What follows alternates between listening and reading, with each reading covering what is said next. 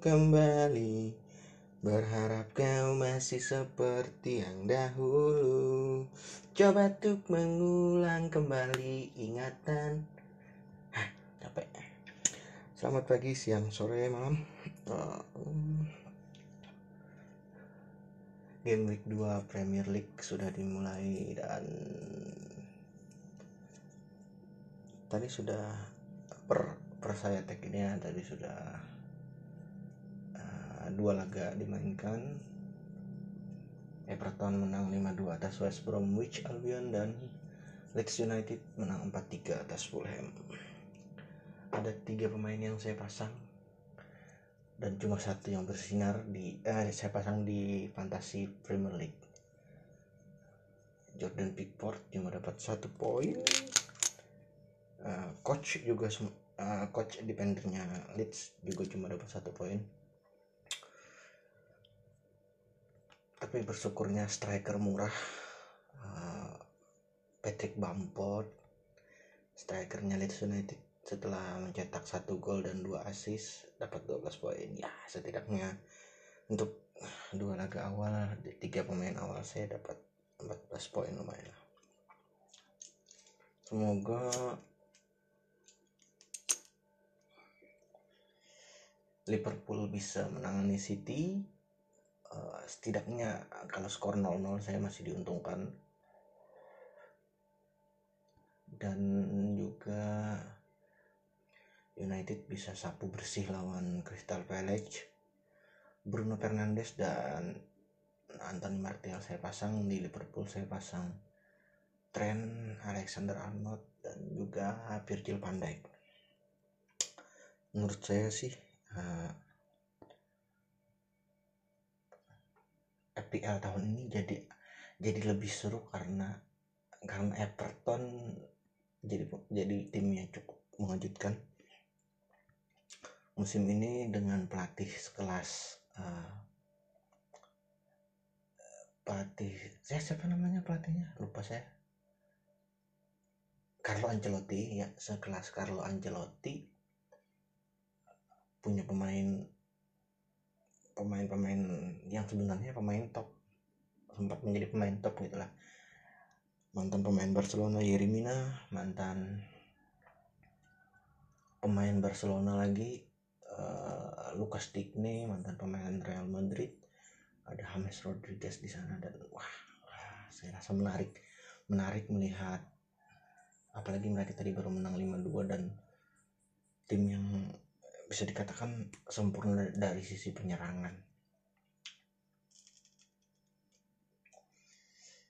Meskipun yang jadi bintang kayaknya di match itu uh, Carpet Lewin ya, tapi dia cedera tadi habis habis skor 3 gol dia langsung hamstring dan sepertinya tidak bisa main untuk laga selanjutnya.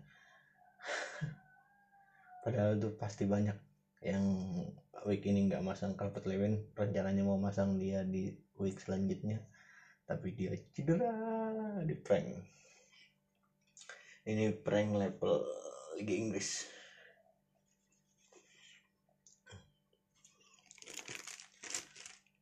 Dari basket dari dunia basket uh, kemarin nonton final wilayah pertama final wilayah timur agak mengecewakan penampilan Boston Celtics setelah kalah. 1-0 di kandang. Uh, memang bisa dikatakan permainan lawan sangat-sangat luar biasa perlawanan yang diberikan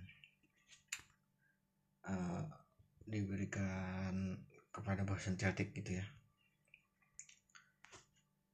tapi saya masih optimis bahwa Celtic dan Lakers bakal ke final sih.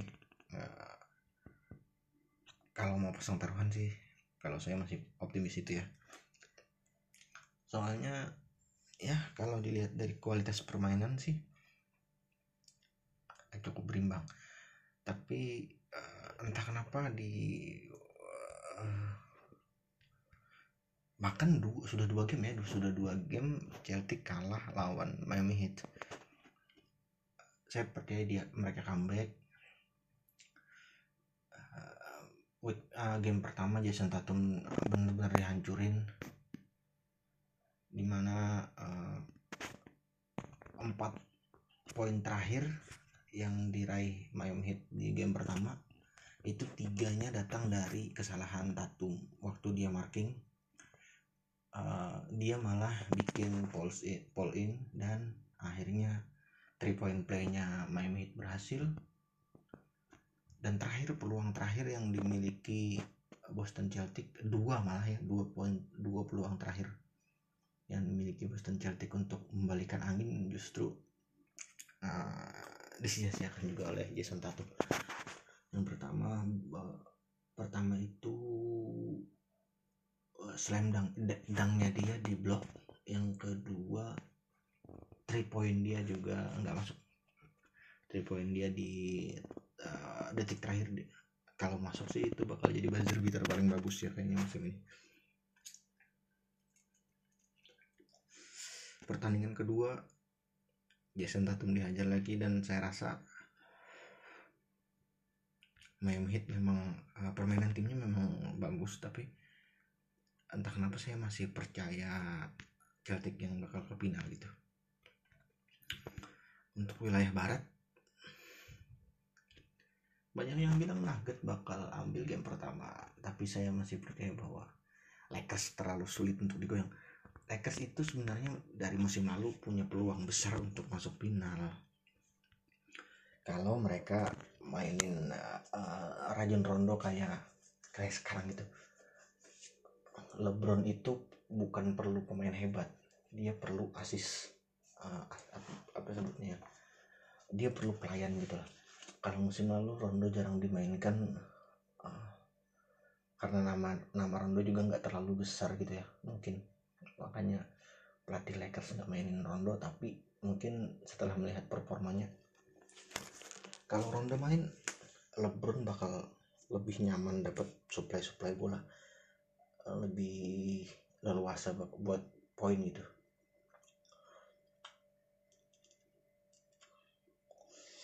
entah kenapa baru musim ini tuh. Tapi ya itulah akhirnya mereka sampai di final wilayah dan saya percaya mereka bakal ke final NBA dan mereka akan berhadapan dengan kalau prediksi saya mereka akan berhadapan dengan Boston Celtic. Saya masih percaya Celtic bisa membalikan skor yang sekarang sudah 2-0 bahkan kalau skornya 3-0 pun saya masih percaya Celtic bisa balikin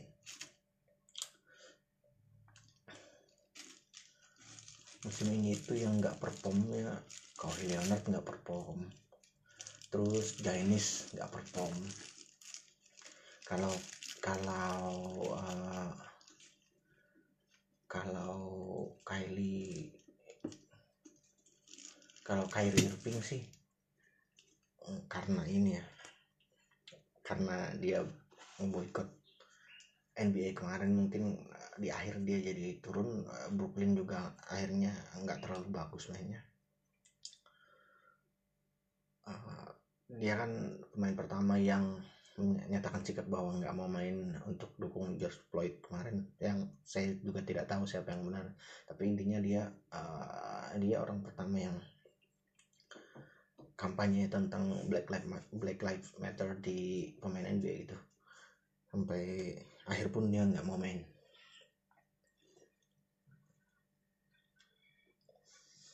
tapi entah ya gitu ya ke uh, solidaritasnya itu lebih terasa di NBA daripada di sepak bola sebenarnya. Saya ingat kejadian waktu uh, Neymar berpura-pura mau bangunin pemain lawan gitu. Kan dia melanggar pemain lawan jatuh. Saya lupa sih siapa yang dilanggar. Terus jatuh. Eh, Neymar itu pelanggaran pelanggaran pelanggaran untuk Neymar. Dan dia mungkin kesal Neymar kesal jadi pura-pura membangunkan lawannya dengan mengulurkan tangan. Saat saat lawannya ingin menarik tangan dia menjadikan tumpuan untuk berdiri. Dia menjauh sambil tertawa. Dan dia dikecam gitu. Uh, entah kenapa dia dikecam saya juga kurang tahu mungkin karena Neymar kan penontonnya ini ya penonton NBA ya. Mungkin karena orang jarang nonton NBA juga karena kan memang sepak bola jauh lebih besar daripada basket dalam hal penggemar. Padahal hal hal hal seperti itu sangat sangat sangat sangat biasa terjadi di lapangan basket. Uh, konflik konflik antar pemain itu sangat sangat gede terjadi di lapangan basket dan uh, setelahnya ya sudah itu selesai. Nggak ada yang sampai keluar. Nggak ada tuh fansnya Curry sama LeBron berantem kayak fansnya Ronaldo sama Messi. Fansnya Curry sama LeBron ya nikmatin aja permainan mereka berdua gitu siapa yang menangnya sudah. Toh zaman mereka juga sudah sebentar lagi habis. Persis seperti uh, Ronaldo dan Messi di sepak bola. Saya merasa musim lalu ya musim lalu pertama kali semifinal Champions League Champions League di semifinal nggak ada Ronaldo dan Messi sejak 2007 ya sejak benar 2007 semifinal Champions itu ya semifinal Champions ada Ronaldo 2007 United lawan Milan. Yang menang Milan waktu itu. Semifinal 2008 Ronaldo dengan Messi ada di semifinal uh, eh, MU dan Barca sama main di final. Ronaldo masih di MU waktu itu ya. Jadi dua-duanya ada di semifinal gitu. Semifinal Champions maksud saya 2008 ada 2009 kembali. Ronaldo ada di semifinal. Itu United lawan United lawan apa ya 2009 United lawan ah lupa saya. Yang saya ingat cuma Barca lawan Chelsea waktu itu. Barca lawan Chelsea di semifinal Ronaldo juga ada Messi juga ada 2010 Ronaldo nggak ada Ronaldo sudah ke Madrid dan Madrid nggak masuk semifinal tapi Barca ada di semifinal. Jadi Messi ada di semifinal Champions League. Barca waktu itu kalah lawan Inter Milan. 2011 Ronaldo masih belum ke semifinal tapi Messi ke semifinal juara juga waktu itu Barcelona. 2012 2012 ya 2012 Messi juga ke semifinal tapi Ronaldo masih belum waktu itu waktu hiatusnya Madrid tuh 2010 2011 2012 hiatusnya Madrid. Mereka membangun Los Galacticos baru. Datangnya kakak datangnya Ronaldo Benzema.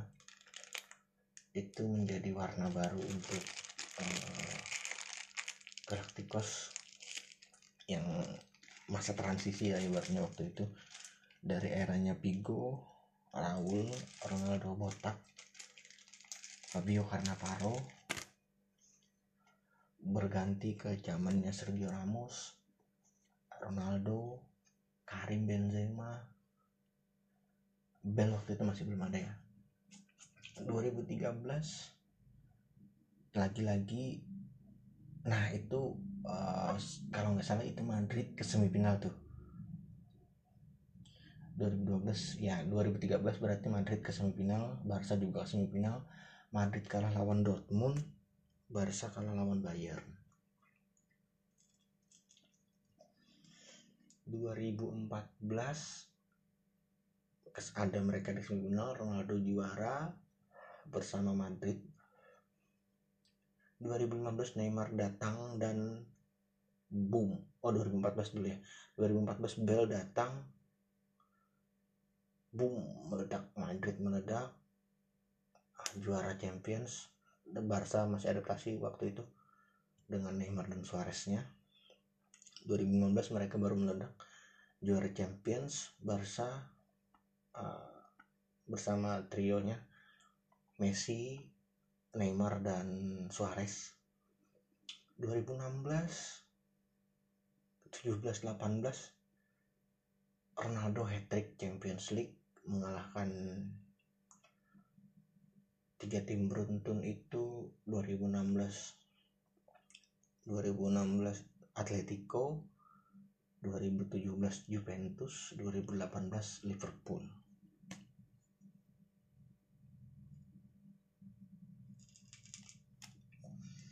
2019 Ronaldo memutuskan hengkang ke Juventus dan dia akhirnya gagal meraih juara Champions League dan bahkan tidak masuk semifinal. Tapi Messi masih masuk semifinal waktu itu. Uh, Barca di di comeback oleh Liverpool 3-4 2020 puncak dari akhir dari karir mereka kayaknya ya. Ronaldo dan Messi akhirnya tidak berada di dalam semifinal Champions League setelah 2007 sampai 2019 berapa tahun tuh 7 8 9 10 11 12 13 14 15 16 17 18 19 berapa tadi? 3 13 tahun. 13 tahun mereka berkuasa di semifinal Champions League selalu ada nama mereka. Dan akhirnya boom patah. Mungkin bagi fans Ronaldo senang Messi tidak masuk semifinal. Bagi fans Messi senang Ronaldo tidak masuk semifinal. Ini maksudnya fans yang tolol ya fans yang sudah dewasa mungkin uh, mereka juga sedih pasti untuk saya yang tidak ngefans keduanya. Maksud saya biasa saja terhadap keduanya hanya menikmati permainan keduanya. Saya sih cukup sedih karena uh, satu era tuh sudah saya lewati dalam menikmati sepak bola dan akhirnya saya melewati era yang kedua ini. Era yang kedua uh, berakhirnya dominasi Ronaldo dan Messi gitu. Bahkan Ballon d'Or pun sudah lebih dulu berakhir ketika Modric memenangkan Ballon d'Or. Sebenarnya belum berakhir sih ya. Selanjutnya kan masih Messi. Sebenarnya waktu Modric raih Ballon d'Or itu saya yakin ada kong kong di dalam pipa sendiri. Saya rasa Ronaldo jauh lebih layak daripada Modric memenangkan Ballon d'Or musim itu ya enggak juga sih. Modric masuk final Piala Dunia membawa dalam tanda petiknya tim menengah seperti uh, apa negaranya Modric itu apa ya? Ah, Costa Rica bukan. Apa yang baju kotak-kotak itulah pokoknya. Dia berhasil membawa uh, negaranya ke final sih. Ya memang penyelesaian yang bagus sedih pasti kehilangan dua legenda yang mungkin sebentar lagi ya paling paling lama lima tahun lah menikmati waktu mereka. Waktu yang sebentar untuk menikmati sisa-sisa kejayaan mereka yang bahkan saya rasa bakal perlahan-lahan apinya pun bakal meredup dan nggak bakal ditemukan lagi di masa depan. Selama saya hidup saya rasa nggak bakal menemukan lagi dua persaingan yang begitu lama dan dan sangat mendominasi gitu.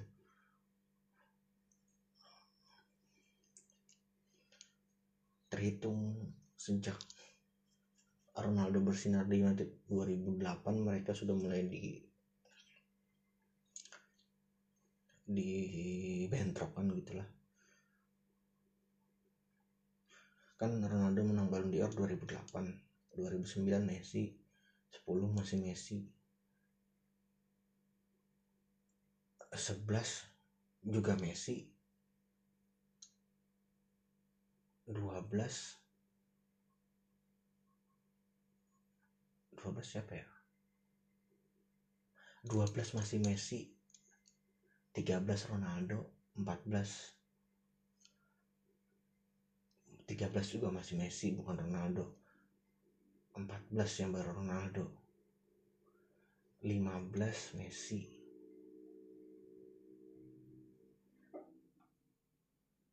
Sudah berapa tuh Messi?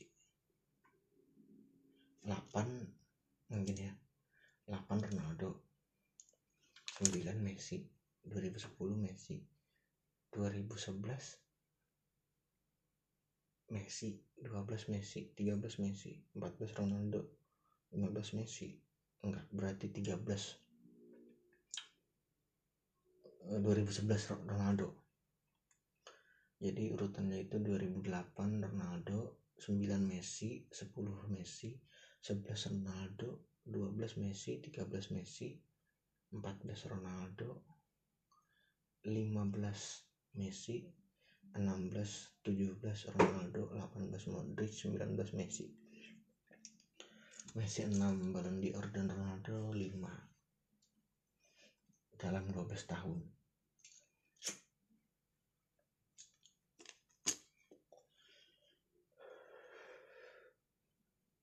Tapi kalau diadu head to head sih uh, tahun gemilang mereka mungkin imbang sih 6-6 kalau saya rasa.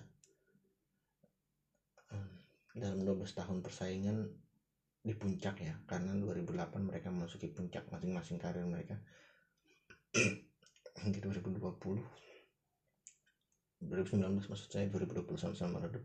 Hingga 2019 mereka sama-sama meraih 6 lah. Meraih 6 kemenangan atas masing-masing kalau mereka diadu head to head gitu. Saya menikmati sepak bola sudah lama ya.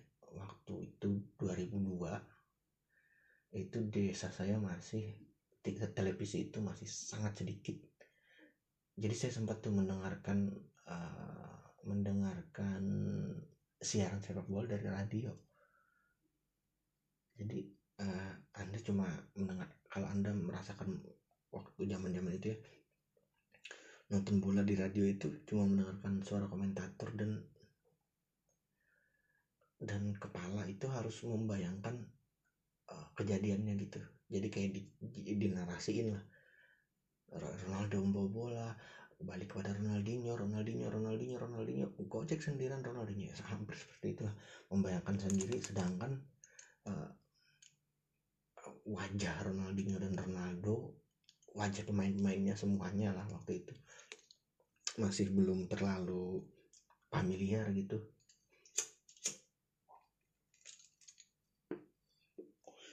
Karena itu benar-benar tahun awal banget nonton bola, kalau ajang yang pertama saya tonton juga itu 2002 itu Piala Dunia Korea Selatan Jepang. Nonton pertandingan pertama nonton Jerman menang kalau nggak salah ya menang 9-0 lawan Arab Saudi. Di situ saya kagum dengan sosok Oliver Kahn dan saya rasa wah ini kiper luar biasa. Dan kalau nggak salah ya di 2002 seingat saya Oliver Kahn itu nggak pernah kebobolan. Akhirnya di final dia dibobol dua gol oleh Ronaldo Luis Nazario da Lima dan Jerman kalah. Tapi semenjak itu juga saya saya setiap kali kejuaraan antar negara Eropa terutama atau dunia selalu mendukung Jerman tuh. 2000, 2004 Euro Portugal Jerman hampas banget Jerman bahkan nggak lolos uh, fase grup. Uh, katanya sih itu dimulai uh, sejak 2004 mereka memulai uh, namanya regenerasi emas.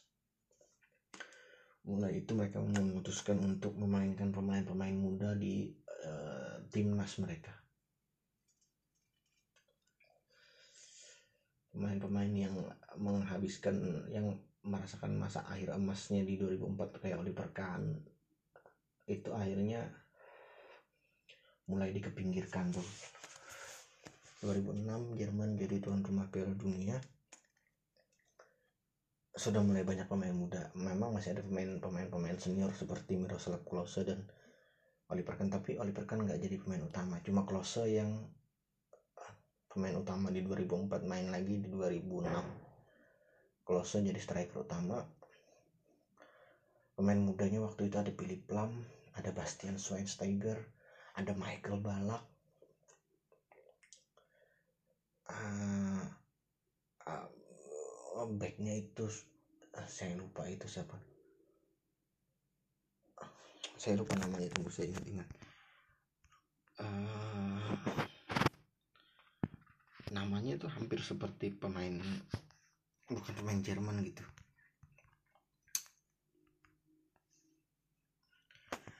Namanya itu seperti pemain justru seperti pemain Belanda gitu. Saya saya lupa sih ya.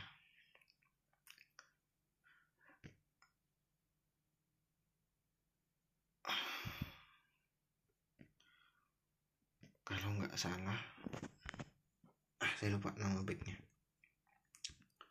oh bukan yang itu back Bayern Munich ya Van Baiten bukan back Jerman back Bayern Munich. Bukan berarti.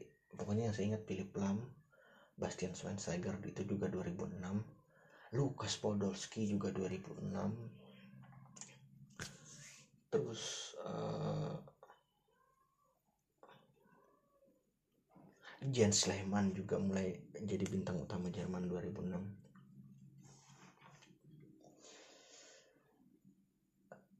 kiper ya Jens Lehmann kiper. Dan itu jadi squad yang bagus itu. Squad yang maksud saya itu sudah kukuh. Untuk menghadapi turnamen selanjutnya sayangnya mereka jadi tuan rumah tapi mereka kalah di semifinal lawan musuh yang sangat berat dihadapi Jerman yaitu Itali. Itali jadi juara memang pada musim itu memang uh, memang masa emasnya Del Piero, Totti, Toni, uh, Gianluigi Buffon, Cannavaro, uh, Darossi dan banyak lagi lah pemain Italia yang memang waktu itu Pipo, Pipo Inzaghi, Andrea Pirlo, yang Gennaro Gattuso memang musim itu musimnya Italia lah 2006 itu. Jerman kalah. Memang Jerman selalu kesulitan menghadapi Italia dalam turnamen Eropa maupun turnamen World Cup tapi saya percaya Jerman bakal juara nih di 2010 Euro. Tar, akhirnya 2010 Euro harapan saya tinggi sama Jerman. Akhirnya Jerman masuk ke final waktu itu maju sampai final. 2010 itu era emas dari Sapi dan Iniesta di Barcelona. Yang mana akhirnya timnas Spanyol mengadaptasi gaya bermain tiki taka Barcelona yang membuat Jerman kesulitan di final. Akhirnya Jerman kalah di eh bukan 2006 2008 maaf di 2008 akhirnya Jerman kalah lawan Spanyol di final. 2008 itu kita flashback sedikit. 2008 itu eh, pondasi kukuh Jerman itu sudah ditemukan uh, sudah ada Benedict Hoedes waktu itu sudah ada Per Mertesacker di lini belakangnya. Sudah ada kipernya masih Jens Lehmann 2008 strikernya masih Podolski. Masih Podolski sama si uh, Miroslav Klose gitu. Dan saya percaya ini karena mereka sudah kukuh di Piala Dunia 2006 fondasi itu yang dipakai mereka juara tiga dunia ditambah beberapa amunisi baru di 2008 mereka runner up Euro 2010 saya yakin banget mereka juara. Tambahan pemain bintang baru kayak Masuk Ojil waktu itu yang bersinar ya Mas Tonjil Semi Kedira Thomas Mueller. Uh, terus ada ya ya tambahannya itu ya tambahannya yang yang sangat signifikan. Di lini tengah di lini tengahnya ada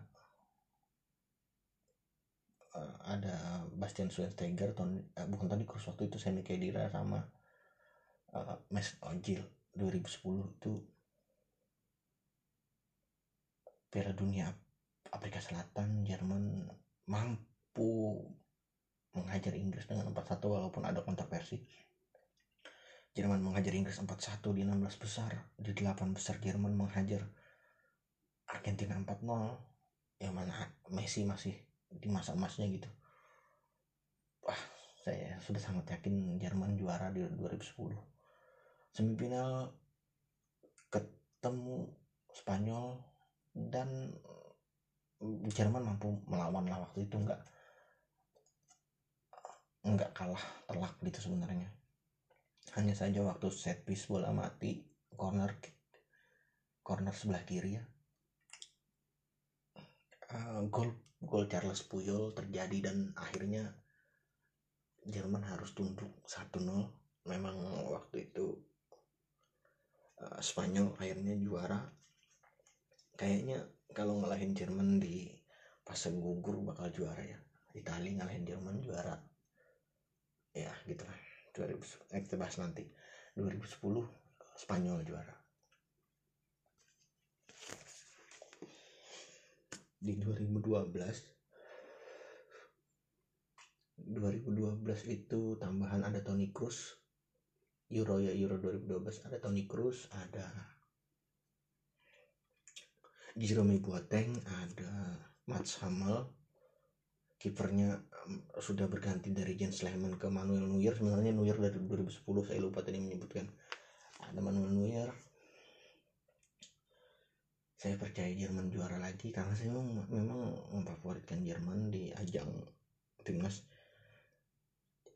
Agak mengecewakan di 2012 Jerman terpental dari musuh yang sangat sulit mereka kalahkan Italia. Tapi di final Italia justru dibantai 4-1 oleh Spanyol. Yang menarik itu semifinalnya eh, 4-0 ya bukan 4-1 semifinal itu Balotelli menjadi perhatian selebrasinya yang sering diubah meme menjadi Majin Buu itu terjadi di 2012 sangat kecewa tentunya. Jerman bermain bagus tapi sayang musuh lebih bermain efektif serangan balik luar biasa sangar Italia. Dan itu yang membuat akhirnya Jerman harus tersingkir. Momen yang ditunggu akhirnya tiba di 2014 Jerman juara Piala Dunia setelah mengalahkan Argentina 1-0 di final. Uh, itu masuk amunisi baru ada Marco Reus oh Marco Reus justru nggak masuk. Dia cedera sama seperti 2012 sebelum pertandingan sebelum uh, kejuaraan dia cedera. Kalau 2012 itu seminggu sebelum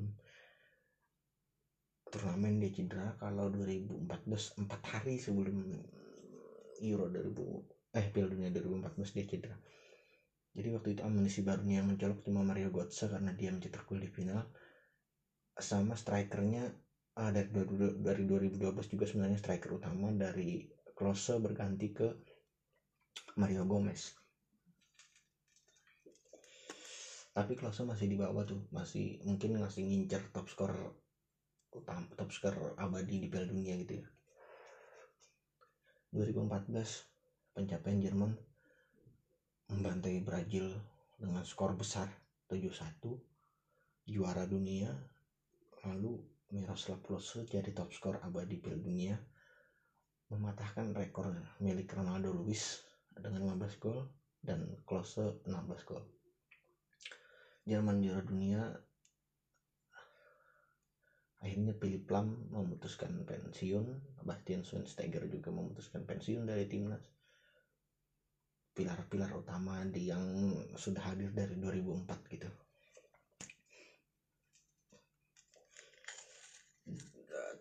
2016 mereka bermain masih bagus sebenarnya. Euro 2016 mereka masih bermain bagus. Ya tapi apa boleh dikata eh, Jerman harus tersingkir waktu itu oleh waktu itu kalah sama kalah sama siapa ya kalah sama Prancis kalah sama Prancis dan tapi Prancis juga kalah di final akhirnya. Akhirnya juga kalah di final lawan Portugal. Setelah itu Joachim Low uh, Joachim Low itu pelatih Jerman ya. Jadi Joachim Low memutuskan regenerasi. Uh, Ojil nggak dipanggil lagi Boateng bahkan dia mengancam Boateng juga dan Müller juga nggak dipanggil lagi. Mungkin uh, sekadar lecutan semangat entah apa saya juga kurang tahu. Tapi akhirnya 2018 membawa skuad eh belum belum. Mereka belum waktu itu masih belum memutuskan rotasi. Tapi di 2018 mereka nggak lolos grup Piala Dunia. Nggak lolos bahkan di fase grup. Mereka gugur di fase grup.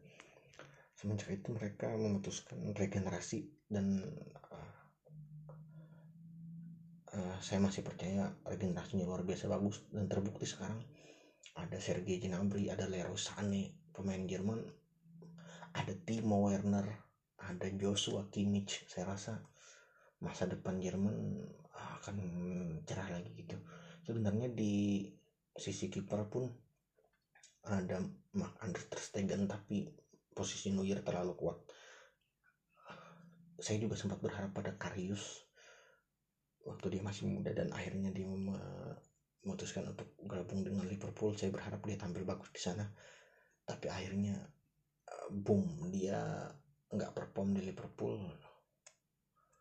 Posisi utama masih direbutkan oleh Ter Stegen dan Neuer gitu. 2020 saya berharap Euro Jerman juara tapi karena pandemi ditunda hingga 2021 bulan April atau Mei gitu ya tapi saya rasa Jerman akan bicara banyak di 2021 Euro. Baik uh, saya mau nonton pertandingan United lawan Crystal Palace. Sampai jumpa di lain waktu dadah